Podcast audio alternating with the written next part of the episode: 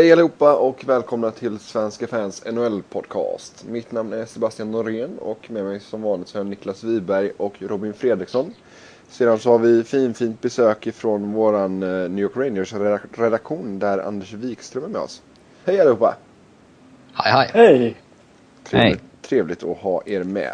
Eh, vi hade bara två matcher nu i natt och eh, vi kan börja med Boston-Ottawa där det blev 3-2 efter straffar.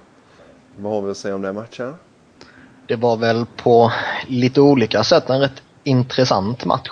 Uh, om vi börjar med uh, en situation i första perioden så var det ju när Adam McQuaid sänkte Chris Neal med en tackling bakifrån.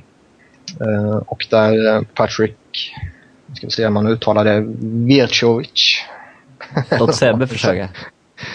Nej, han är ännu sämre än vad jag är ju. Ja. Men i alla fall, Ottawa-backen går ju fram och ska ju fighta Adam McQuaid.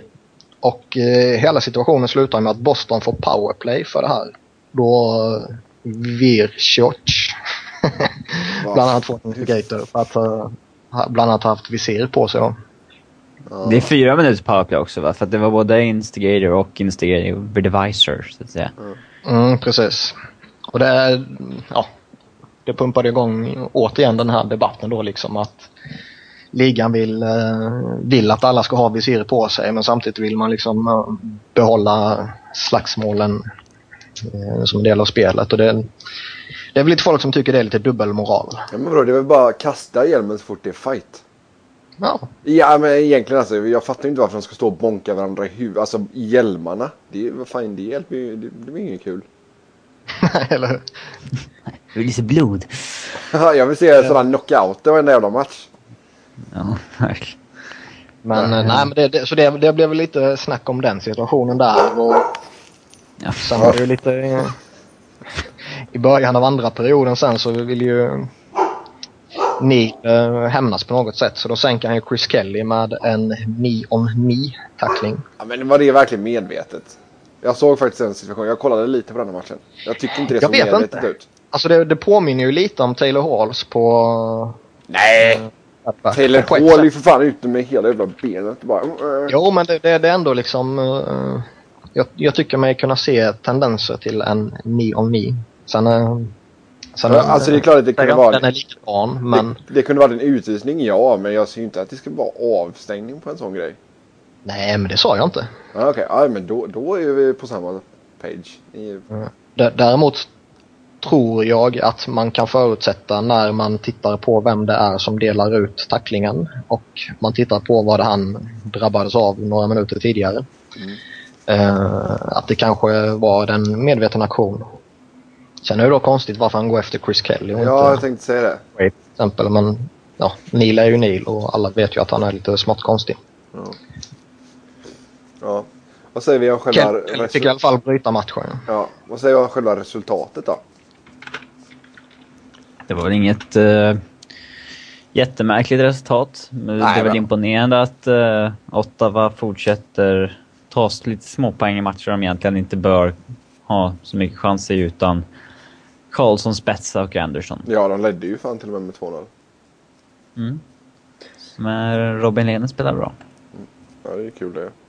Ja, Sen i nattens andra match då så såg vi Los Angeles Kings slå Calgary med 3-1 och de har slått Calgary i samtliga möten denna säsong, vilket alltid är roligt.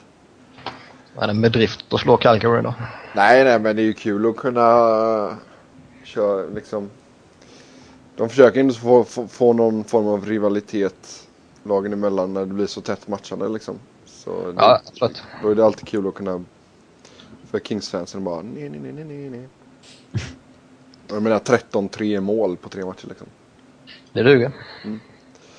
Um, en sak som jag blev lite förvånad av, eller som jag har blivit förvånad av under en längre period här nu, det är ju uh, Kings uh, rookieback, uh, Massin, eller Muzzin.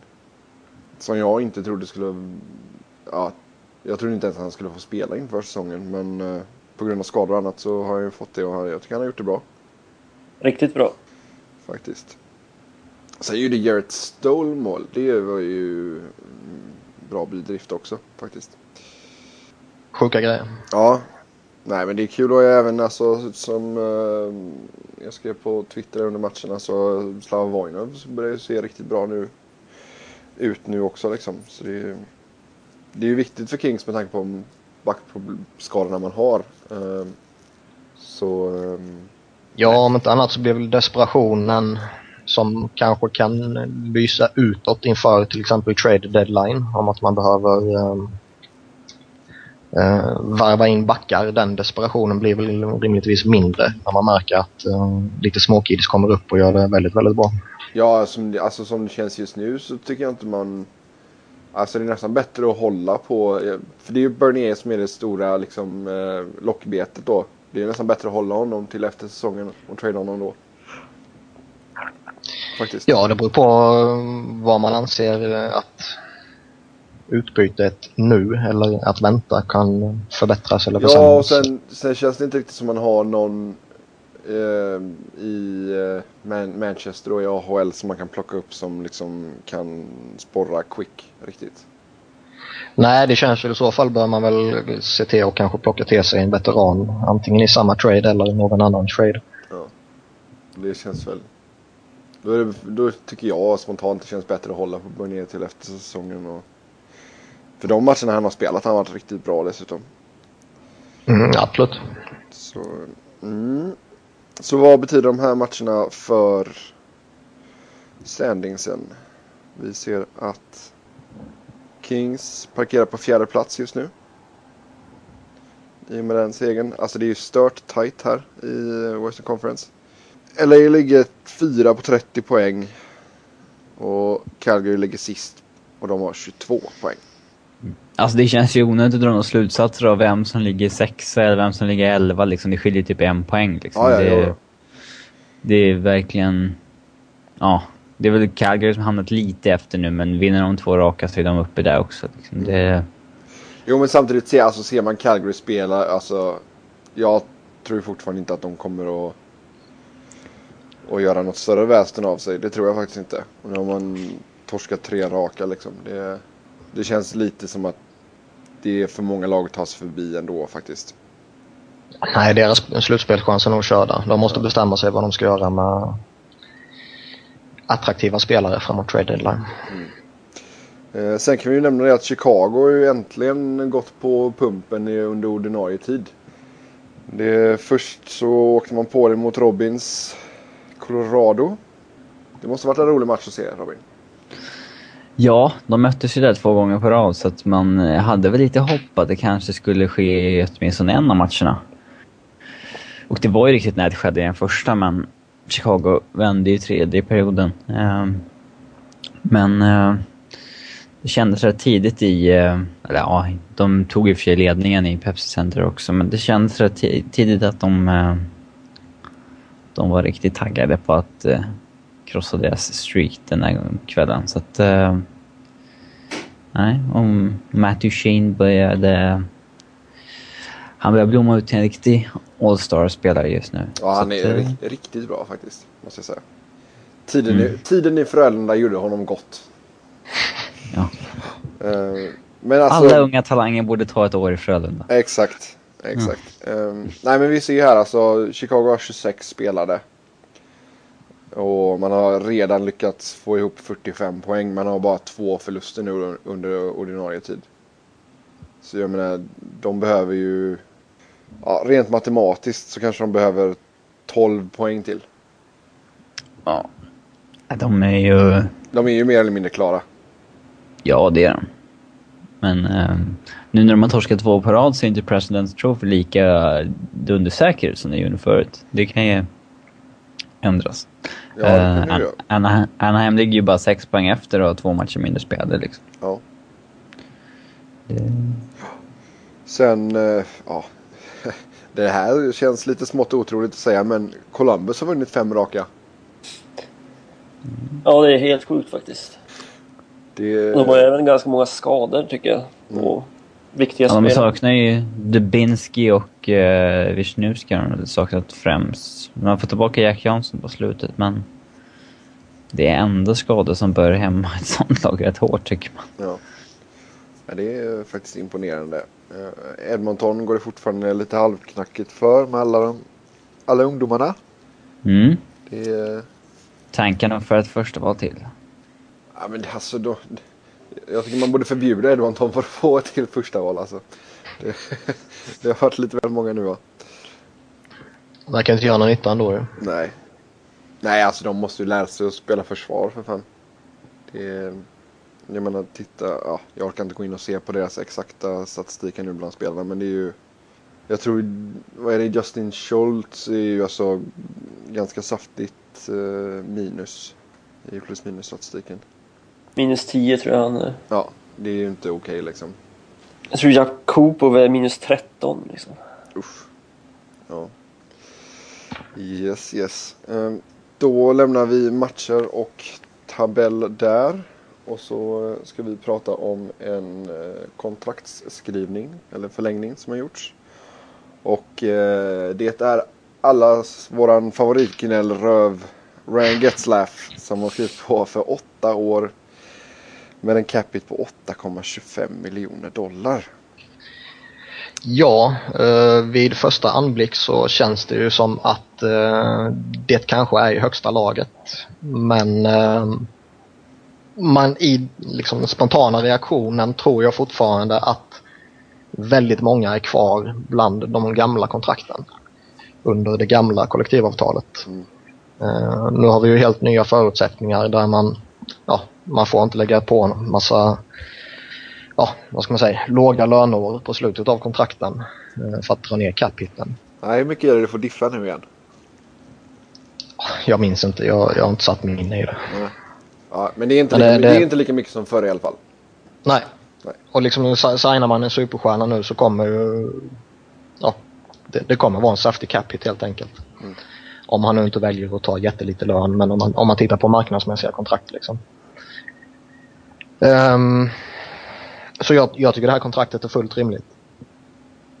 Um, det känns liksom som att under de nya förutsättningarna så är det de här siffrorna som kommer gälla när man vill signa en, en stjärna som är lagkapten och första center och ja, har vunnit lite allt möjligt liksom. Mm. Uh, ja, jag tyckte också att det var rätt saftigt när man såg det först. Uh, det är liksom... Det är inte långt ifrån Crosby och... Ja, den nivån så att säga. Och det, Getzlaff är väl den första centern men kanske inte... Eh, har, har väl inte under säsong under säsong varit en av ligans absolut bästa spelare varje år. Men eh, eh, det är en jäkla skillnad om man är en restricted free agent eller unrestricted free agent efter säsongen. Mm. Ehm, och eh, Anaheim satt ju en... Eh, eller Getzlaff satt ju en perfekt situation att förhandla i när Anaheim riskerar att tappa både han och Perry till sommaren. Mm. Att, ja, sen jag menar han är ju deras, alltså nu leder han ju laget med 31 poäng på 24 matcher. Han har haft en bra säsong så här långt. Mm. Och, det känns ja. ju inte, ja, men, och det känns ju inte riktigt som att Dax skulle kunna få in någon som är i samma klass som honom. Nej, Nej man, man hade inte råd att släppa honom. Nej. Så enkelt är det. Och det, det, har vi pratat om lite tidigare liksom, men Alltså titta, ska man på något sätt försöka jämföra honom med, med, andra spelare så är det ju som vi var inne på inte en capita man kan jämföra med utan då kanske det är den faktiska lönen istället.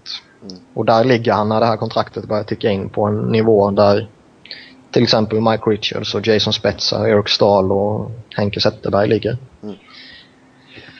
Och det, ja, tycker jag är ett eh, rimlig nivå för han att ligga på också. Framförallt när man ser hur både han själv och Anaheim har inlett den här säsongen. Och det bör väl kanske ha triggat upp uh, priset lite, lite, lite. Mm, ja, absolut. Och jag menar han är ju... Jag kan ju se, jag kan ändå förstå varför man ger honom åtta år också. För jag menar när kontraktet går ut då kommer han vara 36 tror jag. Ja. Mm. Han, kom, han tjänar ju som mest sista år på kontraktet. Lite annat upplägg än tidigare. Mm. Mm. Men, eller, eh, eller gör han det? Jag kanske tänkte på någon annans kontrakt. Jag har inte detaljerna framför mig så det, det kan du titta upp medan jag frågar Anders vad han tycker om detta kontraktet. Ja, jag tycker det var lite väl högt, men precis som jag var inne på så är det ju en franchise-spelare som dessutom är kapten. Så att... Det är lite väl högt, men Dax hade ju verkligen inte råd att släppa han heller. Så att... Nej, alltså jag tror ju detta är en ganska tydlig... Alltså Corey Perry har snackat tidigare om att han vill testa marknaden också. Så... Um, alltså det skulle inte förvåna ifall de blir av med, med Perry. Och då... Um, då var det ju givet att man var tvungen att skriva nytt med Getzlaff till nästan vilket pris som helst. Man skulle ju inte kunna släppa båda två till Free Agency, så nej, enkelt är det. Nej, nej, då kan man ju uh, lägga ner för fan. Och, och, ja, och ska man välja en av dem så tycker jag det är rätt i så fall att satsa på Getzlaff. Mm. Även om Perry kanske individuellt sett är snäppet bättre kan jag tycka och är nog lite mer attraktiv kanske på, på marknaden om han skulle nå dit så, så tycker jag ändå att alltså ska man börja bygga ett lag så är det från målvakt, försvar och centerpositionen man gör det. Mm. Och är det då ingen jättestor skillnad mellan en toppcenter eller en toppforward så skulle jag välja centern. Mm. Men om vi kör lite snillen spekulerar här. Um, tror du att Dax kommer göra sig, alltså trada bort Perry nu då innan trade deadline? Jag är inte helt säker på det faktiskt. Um, jag tror att man kommer trada honom. Men känner man framåt trade deadline att i år kan vi gå för det här. Och går man på säsongen hittills så kan de faktiskt utmana ju. Mm. Då bör man väl kanske faktiskt överväga att behålla honom. Och sen i så fall uh, trada iväg hans rättigheter. Om man känner att nej men det här kommer inte det kommer inte funka att förlänga med honom eller han vill inte förlänga till exempel. Trada iväg rättigheterna efter säsongen då. Mm. Ja, det, det, ganska... det, kan ju faktiskt ge ett rätt schysst utbyte också. Ja. Kanadensisk media är ju ganska, vad ska man säga, um, de är ganska uppspelta. För de tror att han kommer att, skulle han gå till Free Agency så tror de att han kommer hamna i ett kanadensiskt lag. Ja, det är väl inte en orimlighet. Det är nog inte jättemånga lag som uh, har de här ekonomiska musklerna. Varken att betala ut lön eller musklerna om man säger så att faktiskt ta emot en rätt saftig capita som han kommer få. Mm. Det finns väl kanske några kanadensiska lag som har den möjligheten. Toronto känns ju som ett alternativ även om det kanske finns andra hål att fylla där först. Åtta var rätt mycket lönat. Åtta var, kan nog slänga en del pengar på honom jag tror att Vancouver sitter och tänker lite på hur Corey Perry skulle se ut jämte Sedinarna till exempel. Ja, det, det hade varit en, en ruggig kedja faktiskt. Det skulle vara spännande att se. Ja, absolut. Ja, då lämnar vi Getzlaff och Perry där och så eh, ska vi prata lite om Roman Hammerlick som eh, New York Rangers plockade upp på eh, Wabers. Och Anders, vad tror du Hammerlick kan eh, bidra Ja, ingenting egentligen. Men alltså jag vet jag är ganska skeptisk till den här till det här faktiskt. Men ja. I och med skadan på stål så var det väl nödvändigt att, att ta upp någon liksom. Men, eh, och han kan säkert täcka upp några extra minuter per match men jag vet inte, jag är väldigt skeptisk till honom. Ja, Niklas vad, vad tycker du? Var det rätt att ta in Hammerlick? Alltså egentligen brukar väl jag känna att eh, plocka in eh, en veteran på utgående kontrakt Eh, har man väl egentligen ingenting att förlora på. Eh, funkar han och, och får en nytändning så ja, då är det bra hjälp inför slutspelet och under slutspelet. Skulle han inte funka så ja, då släpper man honom till sommaren liksom. Um, jag tror väl fortfarande att en sån som Roman Hamelik, som faktiskt var väldigt bra senast i slutspelet. Jag, jag, tror väl fortfarande att han kan fylla en, en, större funktion i Rangers än vad kanske Stu Bickel gör som en av sex backar eller Matt Gilroy eller Steve Eminger till exempel. Mm. Um, nu har han väl inte direkt uh, funkat uh, så tillfredsställande de första matcherna här och till och med varit utanför laget ju. Men, men ja, jag, jag, kan tycka det var rätt att, att chansa och jag menar man ska inte döma ut honom fullkomligt redan efter en en knapp vecka. Nej. Sen kommer han ju inte gå in och ersätta till exempel Stahl här rakt av.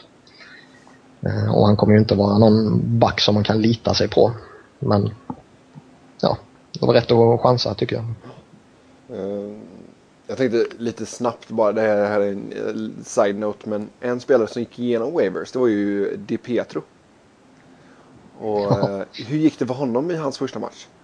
Jo, han släppte in fem mål. Så det var det. Var det inte fler mål? Jag tror det var fem. Ja, jag tror att det var... Fast det kan ha varit i, i typ en period eller någonting, det vet man ju aldrig. Ja, det var i alla fall typ hälften av skotten eller någonting Ja. sånt. Ehm, så det var ju lite lustigt. Då går vi vidare till nästa programpunkt och det är eh, våra halftime awards. Nu har ja, mer eller mindre alla lagen spelat 24 matcher eller några enstaka fler. Och det är dags för oss att ge våra awards om vi skulle dela ut dem precis idag. Och jag tänkte vi börjar med Hart Trophy som går till ligans MVP. Och eh, vi låter Anders börja som är gäst. Ja, jag eh, har valt Crosby där faktiskt. Chockerande nog. Mm. Men eh, utan tvekan, han är världens bästa spelare och eh, han får även Kunitz att se ut som världens näst bästa spelare. Det var inte ett svårt val. Ja, Niklas? Eh, det logiska valet är ju Sidney Crosby. Eh, samtidigt tycker jag att har man eh, liksom Kunitz, Malkin och Neil och sen kryddar det med Letang så känns det samtidigt lite fel att mm, liksom, utnämna honom till MVP. Um, ehm, sen samtidigt tycker jag att det finns få andra starka kandidater som uh, trycker på bakom. Um, vi har ju några målvakter i Craig Anderson, Tuukka Rask och Carey Price kanske. Uh, en sån som Ryan Getzlav som vi pratade om tidigare eller Patrick Kane kanske också förtjänar att nämnas. Men i slutändan landar jag, jag också på Crosby. Han, eh, han har varit eh, så fruktansvärt bra helt enkelt och så betydligt mycket bättre än alla andra. Robin? Ja, jag har också valt Crosby. Han är ju eh, on pace för över 140 poäng. Om eh, vi snackar om två matcher i säsong. Så att... Eh, ja, alltså det är inte... Det finns ingen annan som har fullständigt dominerat första 20 matcherna. Eh, alltså hade Thomas Vanek fortsatt på sin eh, start liksom, så hade han kanske kunnat utmana. Eller Kane har ju droppat av lite också. Och eh, Stamkos har liksom smugit lite under radarn i år på något sätt. Eh, inte på samma dominanta sätt som Crosby. Ja. Och jag säger också Sidney Crosby. Föga förvånande. Så eh, där hade vi alla samma. Det var ju roligt. Då går vi vidare till Vetsina Trophy som går till eh, ligans bästa målvakt. Och eh, Robin, du kan ju få börja där. Säg inte Varmalov bara. Nej. Eh, jag skulle väl, om det stod idag, så skulle jag väl välja Craig Anderson. Eh, på sättet han bar Ottawa första 15 matcherna innan han blev skadad. Eh, men på just den här posten med Andersons skada så finns det väl kanske ingen given... Eh, inget givet alternativ. När... Eh, för de tre som slog som det där i fjol, Quickrin och uh, Lundqvist har ju börjat uh, alltså svagare än de var, i, de var i fjol, tycker jag i alla fall. Uh, så någon av dem lär inte vara aktuella just nu. Ja, Niklas? Ja, jag ser väl tre alternativ och det var ju de jag nämnde i, kring Hart Trophy också i Craig Anderson, Tuukka Rask eller Carey Price. Och även om jag liksom både Anderson och Rask har bättre räddningsprocent och, och snittar färre inslippta mål än uh, vad Carey Price gör så blir det ju Montreals målvakt som får min röst. Eh, uh, Canadiens har överpresterat till stor del tack vare honom och uh, ja, första platsen i Eastern Conference är bevis nog för att uh, lyfta fram Price i den här kategorin tycker jag. Anders? Ja, jag har också Price med exakt samma motivering egentligen. Okej. Det hade varit intressant att se vad Anderson hade kunnat gjort om han inte hade blivit skadad, men Price just nu. Ja, nej, det känns ju som att hans eh, Andersons skada där hade eh, sabbade lite för honom. För annars hade han varit ganska given tror jag. Faktiskt. Ehm, ja, sen fan hade Viktor Fast startat några fler matcher så, så hade väl han kunnat vara med i snacket också. Han har ju jäkligt bra siffror. Men eh, jag får säga att Tukarask får min eh, vote här. Jag tycker han har varit riktigt bra och eh, ger Boston det här liksom chansen att vinna varje match. Även fast man är ett väldigt bra lag. Alltså på, på pappret också. Men ehm, eh, tar emot och röstar på en finländare men så är det. då tar vi nästa Trophy och då kör vi Calder Trophy som går till eh, årets rookie. Och där tänker jag börja och så säger jag Jonathan Huberdo. Mm. Ja, jag Komment kommentar överflödig. Okej. Okay. Nej då. Ah, Nej, det kanske inte är, men... Uh, jo, ja, finns det inget klockrent alternativ? Vad jag alltså just nu i alla fall. Och han är väl ganska klockrent, eller? Jag menar, han alltså, spelar... Han är väldigt, han, väldigt spelar, streaky. Han spelar i ett skitdåligt lag. Ja, så alltså, han har ju fina siffror, men ja. han gör ju tre poäng en match, sen gör han ingen på fem matcher. Och så håller han ju på så. Han har ju varit, han har inte varit den här... Alltså det man kanske... Alltså det, det är ju lite det som präglar en rookie också. Ja, ja det, han, det är ju den, mm. den det brukar gå till även den som brukar ha varit mest liksom jämn och... Eh, ja. Hög lägstanivå och sånt där. Men eh, det andra alternativet är väl Corey Carnasher. Men alltså just nu så, nej det måste nog gå till Huberdo. Jo men jag, jag känner att Cornasher spelar ett, så, alltså, ett bättre lag än vad Huberdo gör. Ja det gör han. Faktiskt. Uh, så jag, jag tycker Huberdo är ganska, för min del i alla fall, ohotad. Ja, jag, jag, jag väljer också honom. Men ja. det, det, är mest brist på annat. Mm. Niklas? Nej, jag har samma. Mm. Uh, jag tycker att han har uh, visat en en högsta nivå som är kanske snäppet bättre än de andra. Sen är det många som förtjänar att nämnas, som, framförallt om man ser på, på inledningen så har vi ju ja, Concher som du var inne på och Tarasenko till exempel, mm. bland annat. Ja. Anders? Men han är... Mm. Ja, jag har samma också. Och eh, det är väl egentligen för att han ändå har fortsatt producera även om han är streaky. De andra har varit jättebra i början, sen har de ju fallit bort totalt känns det som. Yes. Många vill ju säkert lyfta fram, eh, alltså svenskar vill ju säkert lyfta fram Jonas Brodin, men eh, jag tror inte att man kan vinna det där om man inte gör några poäng liksom, oavsett hur många minuter man spelar och... Mm. Nej, det är sant. Framförallt, framförallt inte i Minnesota. Det ska vara om du är i eh, Detroit eller Pittsburgh eller Rangers eller alltså något av de här lagen som hela tiden får jätteexponering. Mm. Och även om Minnesota får mer exponering nu efter sommarens aktivitet än vad de kanske skulle få tidigare år så, så känns det inte som att det räcker. Nej. Då går vi på Norris Trophy som eh, är till ligans bästa back. Och där kan Anders få börja. Jag har faktiskt valt eh, Ekman Larsson där. Jag är väldigt imponerad av både hans spel och hans produktion. Sen klart det finns eh, de vanliga. Skär har ju varit bra. Och Webber har väl inte varit bra så han kan man väl räkna bort. Men ja, jag har valt Ekman Larsson. Mm. Niklas? Ja, eh, om Chara skulle ha gjort lite mer poäng så skulle han utan att ens behöva tänka på det få min röst. Nu tycker jag att han har eh, dippat där lite. Ehm, så därför kommer jag att lägga min röst på Chris Letang i Pittsburgh. Mm. Har inte Chara tagit lite väl mycket utvisningar också? Det är någon... Eh, det är väl någon misskontakt och skit inblandat i det där va? Ja, alltså när han men... ja, spöade Jemelin. Ja. Jag tror det är det. Men han, alltså han, han Jag tycker väl Chara har varit en om, om man ser på de faktiska prestationerna på isen och bortser från produktion. Den klart bästa backen. Men jag tycker ändå att produktion bör ha en, en viss betydelse när man är på hans nivå. Och uh, han har gjort ett dussin poäng eller där runt omkring och det tycker inte jag är tillräckligt. Ja. Letang tar jag inte bara för att han toppar backarnas poängliga utan jag tycker att han har visat hur viktig han är i Pittsburghs backbesättning. Han håller en bra nivå över hela banan och liksom, ja, spelar i alla situationer. Mm. Robin? jag har också tagit Chris Letang. Jag såg väl eh, Ekman Larsson, Peter Angelo och Chara som utmanarna. Men uh, valet föll på Chris Letang. Okay. Det är väl... Uh, ja, alltså han...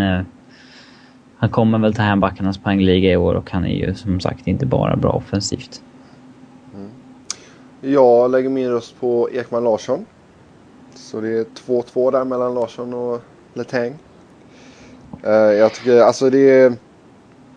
Hade Oliver spelat i ett lag som får mer mediautrymme här borta så, uh, så hade, alltså det, det är fortfarande bra att han är med i snacket här nu Alltså även i amerikansk media och kanadensisk media. Men hade han spelat i ett eh, Detroit eller någonting och haft samma siffror och istid och allt sånt där så tror jag att han hade varit favorit faktiskt. Men just nu så är väl eh, Letang favorit bland fans och media. Men eh, jag tycker Oliver Ekman Larsson har varit den bästa backen. Eh, om man ser på alla aspekter. Om man ser på, på poängproduktion, spelet på isen, i defensiven och um, antal minuter som killen loggar också liksom. Och um, jag menar det är bara hans tredje säsong. Det är smått otroligt att han ens är, är med i snacket så, så pass mycket som han är. Då tar vi Selke Trophy. Som är, vad ska man säga, bästa defensiva forwarden. Och där får Robin börja.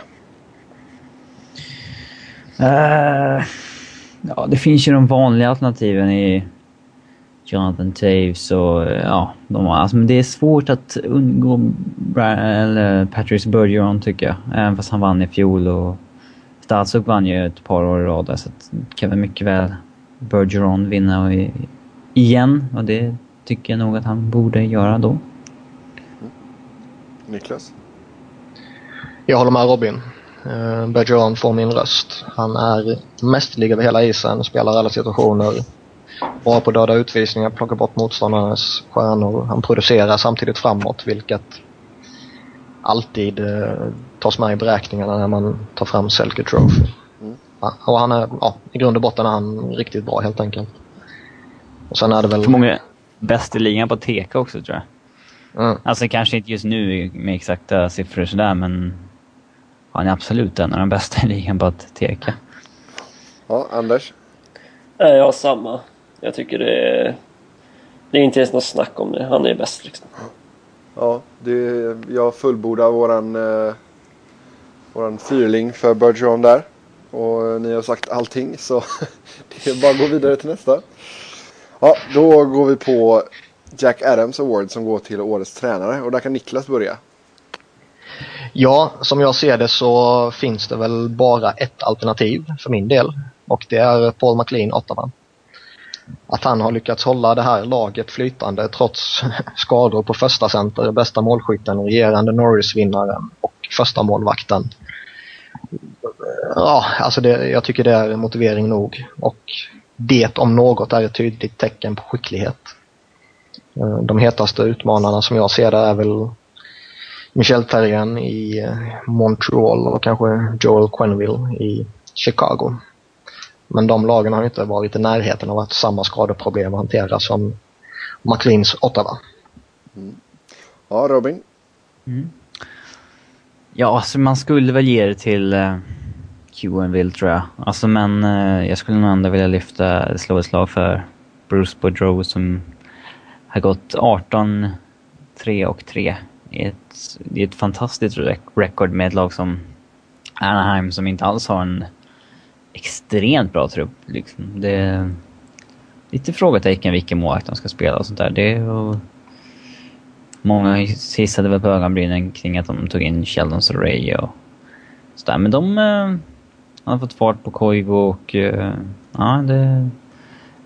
De har ju ett sanslöst bra facit faktiskt. Alltså 18 3 and 3. Det är ju...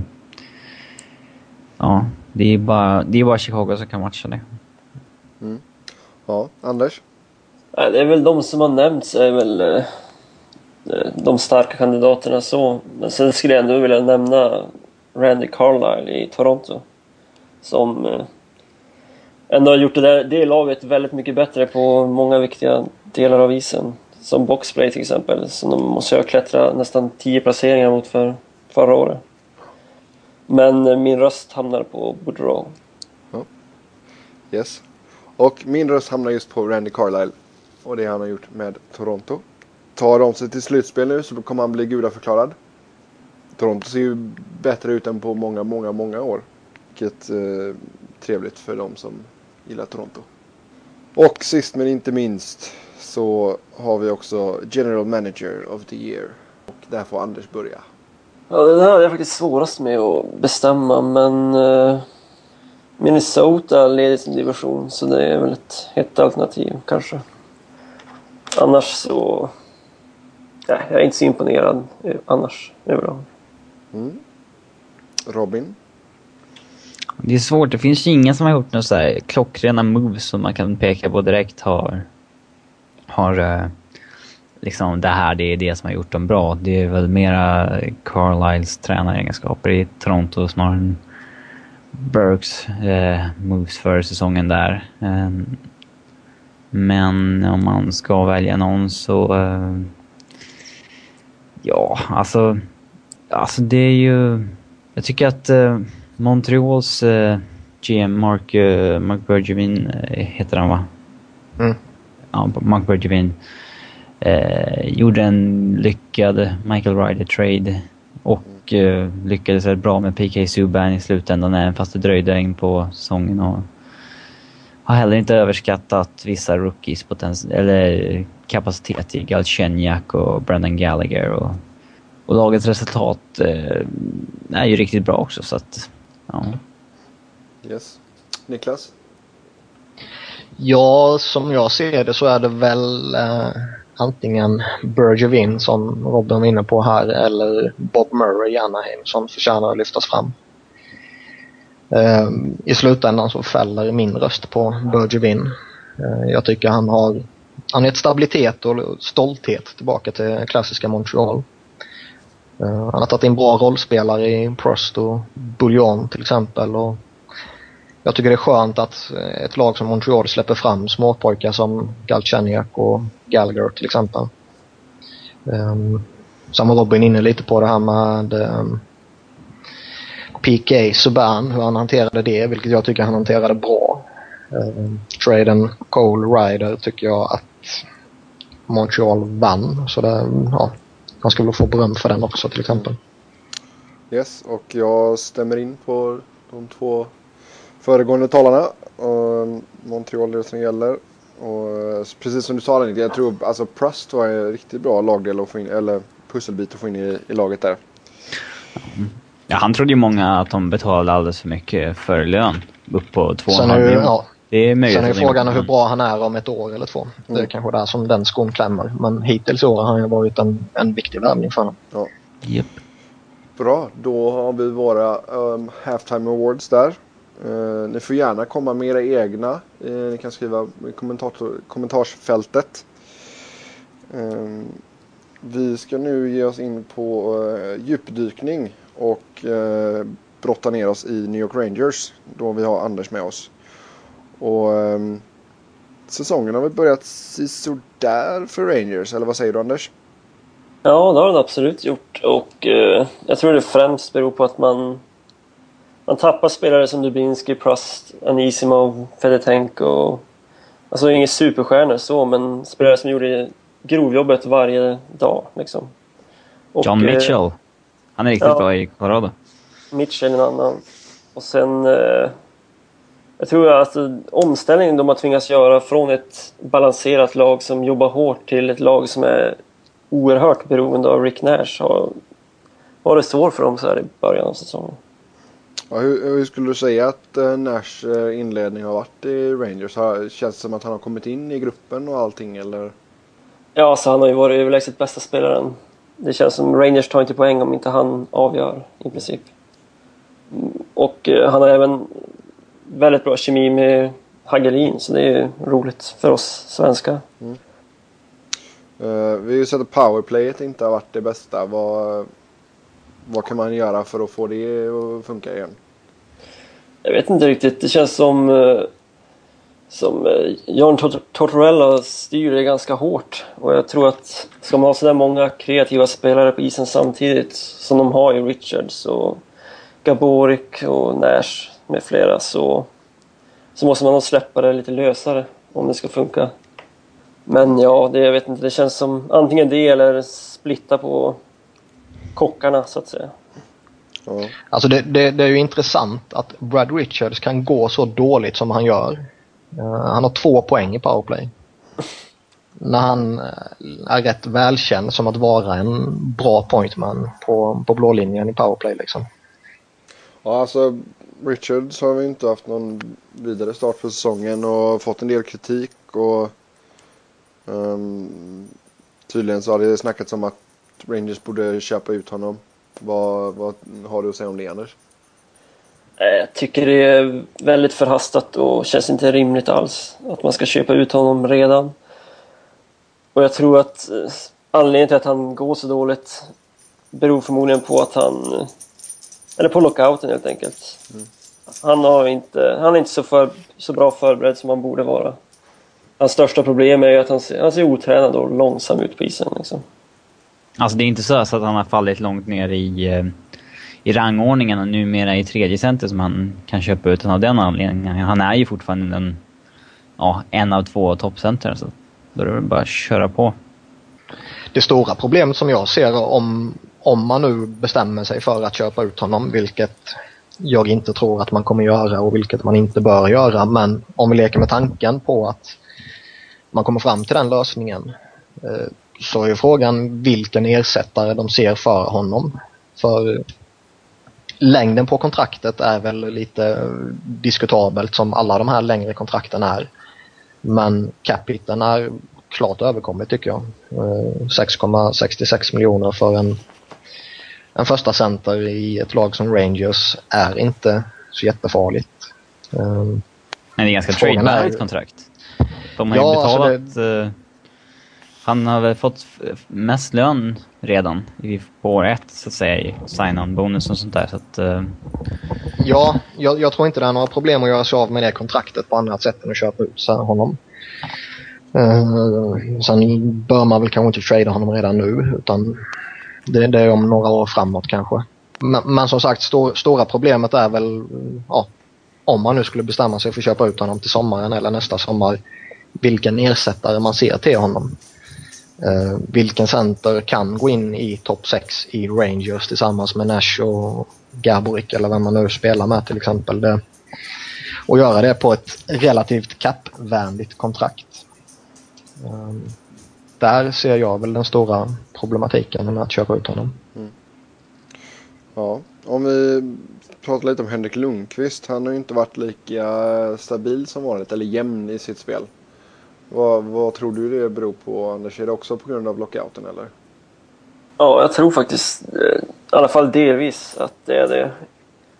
Alltså han brukar alltid vara ganska seg i början men i början brukar det vara 6-7 matcher kanske. Inte så här länge. Mm. Så att jag tror det också har med förberedelsen inför säsongen. Och eh, sen om man lägger ihop det med att han vann Vesina förra året så kanske han inte har varit lika motiverad på försäsongen. Mm. Nej, alltså det, du får skylla på Frölunda i det läget som inte tog in honom. Ja, precis. Det... Sen ska man ju tillägga också att han har inte haft lika bra hjälp av försvaret som man brukar ha vanligtvis heller. Mm. Ja, eh, alltså vi pratade ju lite om Mark Stahls eh, skada här förut och för er som inte har sett det så fick han ju en puck rätt i ögat. Eh, har du några mer detaljer på vad det var som gick sönder eller vad man ska säga Anders? Nej, alltså som vanligt så släpper väl Rangers aldrig någon riktig info om vad som, vad som egentligen har hänt. Det enda jag har hört, eh, jag läste det igår kväll, var att det rörde sig om två, tre veckor innan han skulle vara tillbaks. Det låter ju väldigt positivt så jag vet inte hur man ska... Om man ska våga tro på det men det ska ju, han, ska ju kunna, han ska bli helt återställd i alla fall, som Ja. jag har fattat. Ja men det är ju skönt att höra det i alla fall. För det såg ju riktigt uh, otäckt ut faktiskt. Ska vi gissa på att han spelar med visir när han kommer tillbaka? Ja han kommer li lira med en sån... Uh, vad är, fan är den heter? Um, åh. När Galler, menar du? Nej, när lammen tystnar. Ja. En sån uh, riktig face mask. Så. Vad är det han heter? Hannibal Lecter. Hannibal Lecter, tack, tack. Jävlar vilken uh, stod det still i maskineriet där. Alltså det, det som... Man kan väl dra vissa paralleller, vilket jag i alla fall gjorde direkt när jag såg den. Det var ju Ian Laperieres skada för några år sedan. Skillnaden här är väl, tack gode gud för Stahl, att eh, det är en styrning och inte ett slagskott rakt upp i ansiktet som Laperiere fick. Mm. Lappi var ju tillbaka efter eh, några, några veckor när, när Flyers gick långt i slutspelet. Ehm, Ja men samtidigt, fan det, alltså han måste ha varit en av de tuffaste spelarna någonsin. ja, men han hade ju en hjärnskakning när han gjorde comeback och han var ju inte sig själv när han gjorde comeback. Det såg man ju tydligt ju. Ja. Ehm, så det ska bli väldigt intressant att se Mark Stahl här när han, ehm, om han nu kommer tillbaka om några veckor här. Mm. För det, det kändes väl lite som, och jag tror du har varit inne på samma sak tidigare Anders på, på Twitter, att Stahl var lite så här sakta men säkert på väg tillbaka till den enormt fina klass han höll innan hjärnskakningen gav honom lite problem för en tid sedan. Ja, precis så var det absolut. Det, det gör det lite extra tufft då, just eftersom det var en hjärnskakning han haft tidigare. Och få ett skott i huvudet lär inte gynna det, känns det som. Nej. det är väl ett rätt stort understatement. Ja. Kanske skak, skaka till hjärnan så den lan- landar på rätt plats igen. Där Eh, fick ju riktig fart på visirdebatten igen. ja, herregud. Mm. Det... Jag vet att John Mitchell fick ju ett skott i ansiktet för näst första matchen på, eh, i Colorado. Och sen dess har han kört med visir, men han tänkte ju ta av det eh, nu igen. Men efter den där smällen så säger han att nej, nu behåller jag det på. Jo men alltså Eh. samtidigt, även fast spelarna har visir så finns det ju sätt för puck och klubbor att komma in i under ändå, eller hur? Ja, men Så- man kan ju fortfarande... Alltså man kan ju fortfarande råka illa ut om man har säkerhetsbälte på sig också, men det betyder inte att man inte ska använda det. Nej nej nej, men jag menar liksom egentligen ska man liksom eliminera allt det här så borde alla spela med, med helvisir liksom. Ja, egentligen, men... eh, Eller bur. Ja, ja, alltså egentligen så bör det väl vara så, men det... Det tror jag aldrig någon kommer gå med på, men... eh, Nej, alltså jag, jag tycker verkligen att man borde... Alla bör kunna ha visir. Alltså även fast det kan... Fallen där det skulle kunna vara värre att ha visir är ju så extremt mycket färre än där det hade hjälpt att ha visir. Så att... Eh, eh, jag, jag fattar inte varför man ska... Varför kan man inte bara göra som i hjälmar? Att man säger att från en viss ålder så får man inte liksom eh, får man inte ta, komma upp och spela utan det längre. Liksom, varför ska en kille som Ryan O'Reilly som har spelat med visir och galler ja, hela uppväxten ta av det nu när han kommer till NHL? Liksom? Just den eh, aspekten så Chris Pronger gjorde en intervju med Philadelphia Media några dagar efter Stads skada här för första gången sedan han själv blev skadad och det var ju rätt oundvikligt att det här snacket skulle komma upp på den presskonferensen. Mm. Och han var inne på liksom att eh, alla ska få ta beslutet själva. Um, går ligan in och börjar sätta massa restriktioner så börjar man väl låta ligan bestämma massa sådana här saker. Vad kommer då den vägen leda till så småningom? Vilka regler kommer de införa och vilka bestämmelser kommer de börja kräva att man ska ha? Mm. Så han var väl inne på just det här att um, varje individ ska få rätt att bestämma själv. Oavsett om, om man vill ha eller inte och även om man kanske tycker att det är det är ett hinder i- för synen att ja, det reflekterar och allt vad de säger liksom och man ser inte så bra åt sidan och allting. Och det tror jag väl det förhållningssättet är nog vanligare hos de lite äldre spelarna. Eh, än kanske, ja, som Robin var inne på, en sån som Ryan O'Reilly till exempel. Eller den yngre generationen tror jag kanske skulle ha en, en mer sundare inställning till om ligan skulle säga att okej, från och med nu ska alla spela med visir. Mm. Alltså jag kan ju köpa Prongers eh, argument där att alla ska få liksom välja själva att det är individens val och allt sånt där. Men samtidigt så det påverkar ju organisationerna. Menar, ja, det är ju deras intresse att ja. spelarna inte ska bli allvarligt Alltså det, det som många säger som motargument också det är ju att hur lång tid tar det innan försäkringsbolagen går in och säger att alla spelare måste ha visir för att vi ska försäkra dem. Mm. Eh, vilket jag tycker är en minst lika viktig fråga som ja, just vad organisationen vill. Mm. Med tanke på att det går hyfsat hand i hand. Ja, det är klart. Nej, men alltså det är... Sen man, man, alltså det känns ju ändå så som man borde kunna ta fram ett visir som, som ändå så tillåter det att se ordentligt och som inte blir eh, dimmigt eller vad fan man nu kallar det. Ja, vad fan, de som har bytt till alltså Mats Sundin bytte till Han sa att det påverkade inte hans eh, siffror framåt liksom. Och det gick ju rätt bra för Eriksdal under eh, OS när han var tvungen att ha visir. Men ja sen... men vadå, alltså liksom vi, Crosby lirar med visir. Malkin lirar med visir. Stamkos lirar med visir. Ja. Det var alltså... Nej, jag tycker antingen att man bara ska säga att liksom... Nej, nu måste alla ha det helt enkelt. Eller så inför man någon åldersgrej som man gjorde med, med hjälmarna helt enkelt. Um. Mm, kommer du ihåg Craig McTavish? McTavish. Mm. Mm. Ja, men eh, vad säger vi? Vad, om vi bara får ett ja eller nej. Eh, visirtvång, Anders? Ja, om man inför en sån här åldersgrej tycker jag det. Mm. Niklas? Nej, det ska vara upp till varje individ. Sen tycker jag i och för sig det är korkat att man inte har det, men jag tycker man ska få ta beslutet själv. Robin? Ja. Sebastian? Ja. Yes. Då... Tre fel, ett rätt alltså. ja du, eh, så kan vi välja att se det. Ja.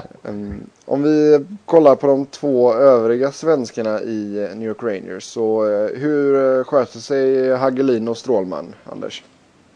Ja, alltså Hagelin börjar väl sisådär. Men alltså, sen han fick spela med Nash har han varit lysande stundtals. Och jag tror det, det viktigaste med han är att han är den enda som har klockren kemi med Nash som är deras bästa spelare. Mm.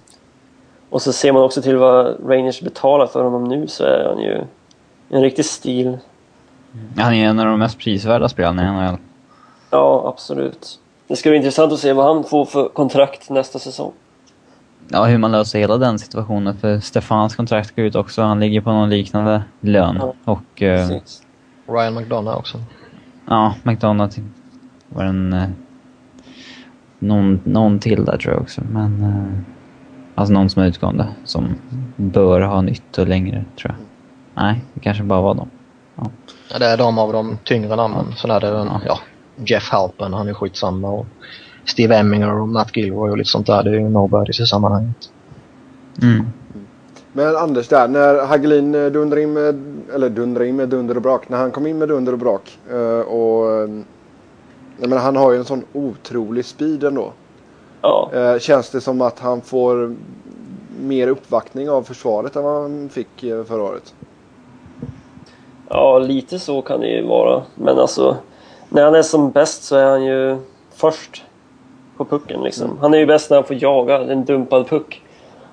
Och sen är det väl, jag kan inte tänka mig att det är så kul att markera han när han står framför mål och försvinner, kommer tillbaks på en sekund liksom. Speedy Gonzales.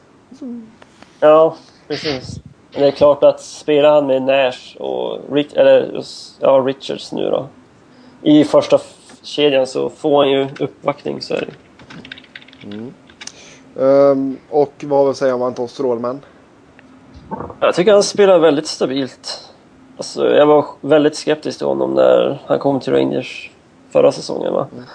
Och eh, men alltså jag tycker han blir bättre och bättre och jag tycker även han eh, svarar bra på att kliva upp och spela mer minuter när någon av de andra tre toppbackarna är skadad.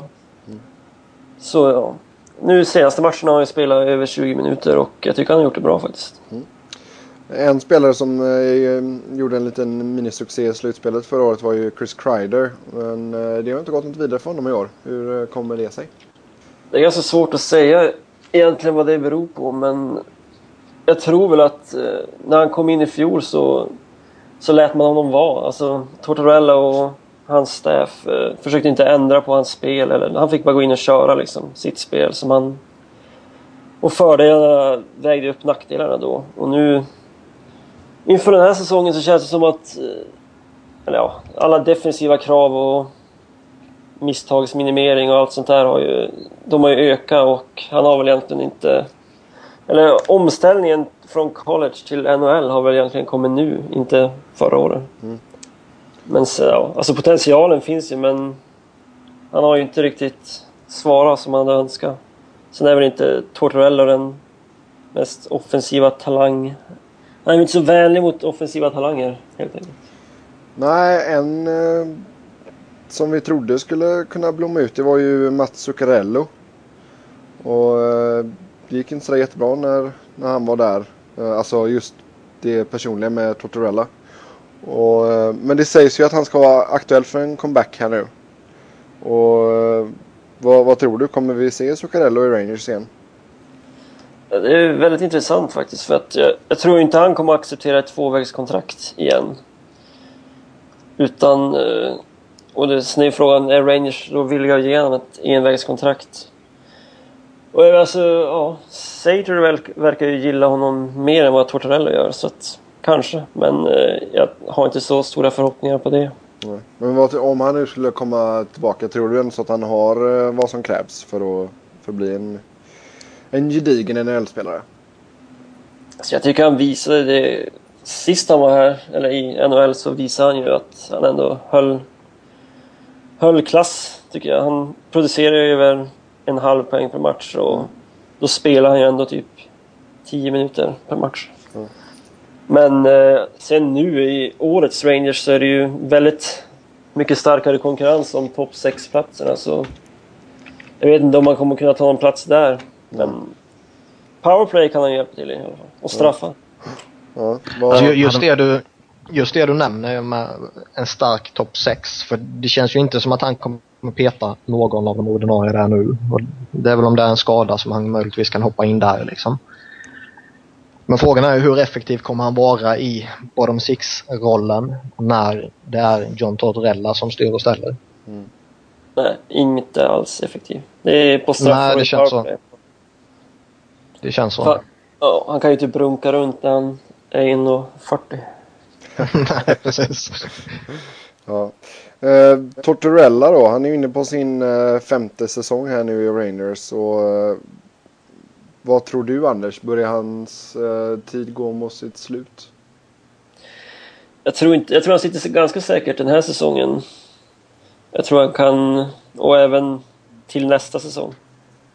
För jag tror att han kan skylla på lockouten ganska mycket. Att det inte riktigt går som det borde gå.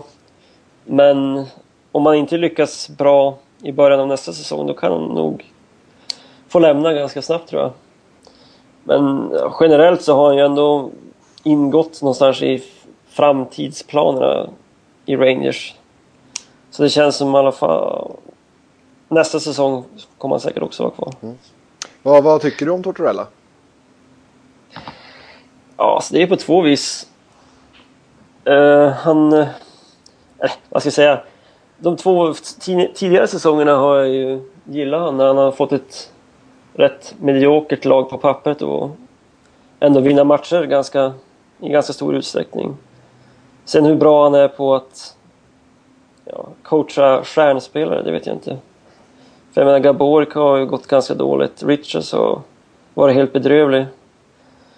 Så jag vet inte vad man ska tycka egentligen. Men ja. Vi får se hur det går. Mm. Ja, det är ju en stark personlighet i alla fall, det kan man ju lugnt säga. Jo, precis. Presskonferenserna är väl underhållande på fel sätt, om man säger så. Ja, exakt. alltså jag, jag, tycker det är intressant för Peter Laviolette i Philadelphia är ju lite liknande den typen som Tortorella är. Uh, just ja, aggressiva, krävande tränare som, som gärna säger vad de tycker och, mm. och kanske inte alltid framstår som de här klockrena utbildarna utan kanske mer ja, motiverande tränare. Um, de här har ju på något sätt ett bäst före-datum i varje organisation de är i. Där man så småningom kommer till en punkt där truppen kanske känner att nej vi orkar, vi orkar inte med det här längre för de bara står och tuggar och skäller och gnäller och bla bla bla. Mm. Det börjar ju pratas lite om att det är den situationen som har uppkommit i, i Flyers nu. Eh, där han har varit i fyra år. Eh, Laviolette kanske inte riktigt eh, har med sig laget på samma sätt som han hade i början. Eh, om det är rätt eller fel, det är ju svårt att säga med tanke på att man inte är inne i omklädningsrummet eh, som spelare. Och spelare kommer inte säga att så är det. Men jag tycker ändå det, det känns som att man kanske kan dra lite paralleller mellan eh, just Philadelphia och Rangers och Laviolette och Tortorella i det här fallet. Mm. Sam, samtidigt som det kanske känns som att som Anders var inne på med tanke på att uh, Tortorella har fått ett, ett halvhyggligt Rangers tidigare år till att prestera och vinna matcher så kanske han har en längre eh, period på sig här i, i, framtiden innan ledningen kanske börjar tröttna. Mm. Yes. Eh, vad, hur tror vi att eh, Rangers kommer agera här framåt eh, trading deadline, Anders? Eh, eh, ser du någonting som man verkligen borde ge sig efter? Nej, alltså jag tycker Rangers största problem är att de har spelare som egentligen är bra men inte producerar. Och jag vet inte... Det skulle ju vara att man tradar iväg någon av dem men jag vet inte hur aktuellt det känns heller. Mm. Personligen så skulle jag ju till exempel kunna tänka mig att se Gaborik få lämna men det är jag väl ganska ensam om bland Rangers-supportrarna. Men ja, jag vet inte. Det beror ju lite på hur Stål, hur den situationen blir också. Så det är ganska ovisst tycker jag. Mm. Ja, har du något annat du vill eh, lyfta fram från Rangers? Ja, det vad, hänt, vad har hänt med Brian Boyle? Ja, Brian det är Boyle. Rätt, eh, dålig timing att bli dålig när man släpper alla andra depth-spelare liksom. Ja, verkligen. Jag vet faktiskt inte vad som har hänt där riktigt. Kanske förlorade alla sina bra kompisar i laget eller något.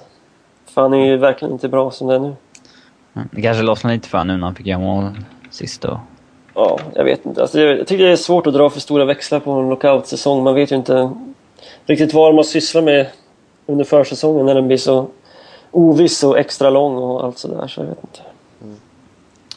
Yes. Ehm, då ska vi ta och runda av här. Som vanligt så vill ni eh, snacka hockey med oss så är det Twitter som gäller. Mig hittar ni på att Seb Noren. Niklas hittar ni på att Niklas Wiberg, Niklas med C. Robin hittar ni på R. Underscore Fredriksson. Och eh, för er Rangers-fantaster så hittar ni Anders på att Applet Hockey. Så eh, tack för denna veckan. Vi hörs igen om eh, sju dagar. Tills dess, ha det gött. Hej! Hej, hej. hej.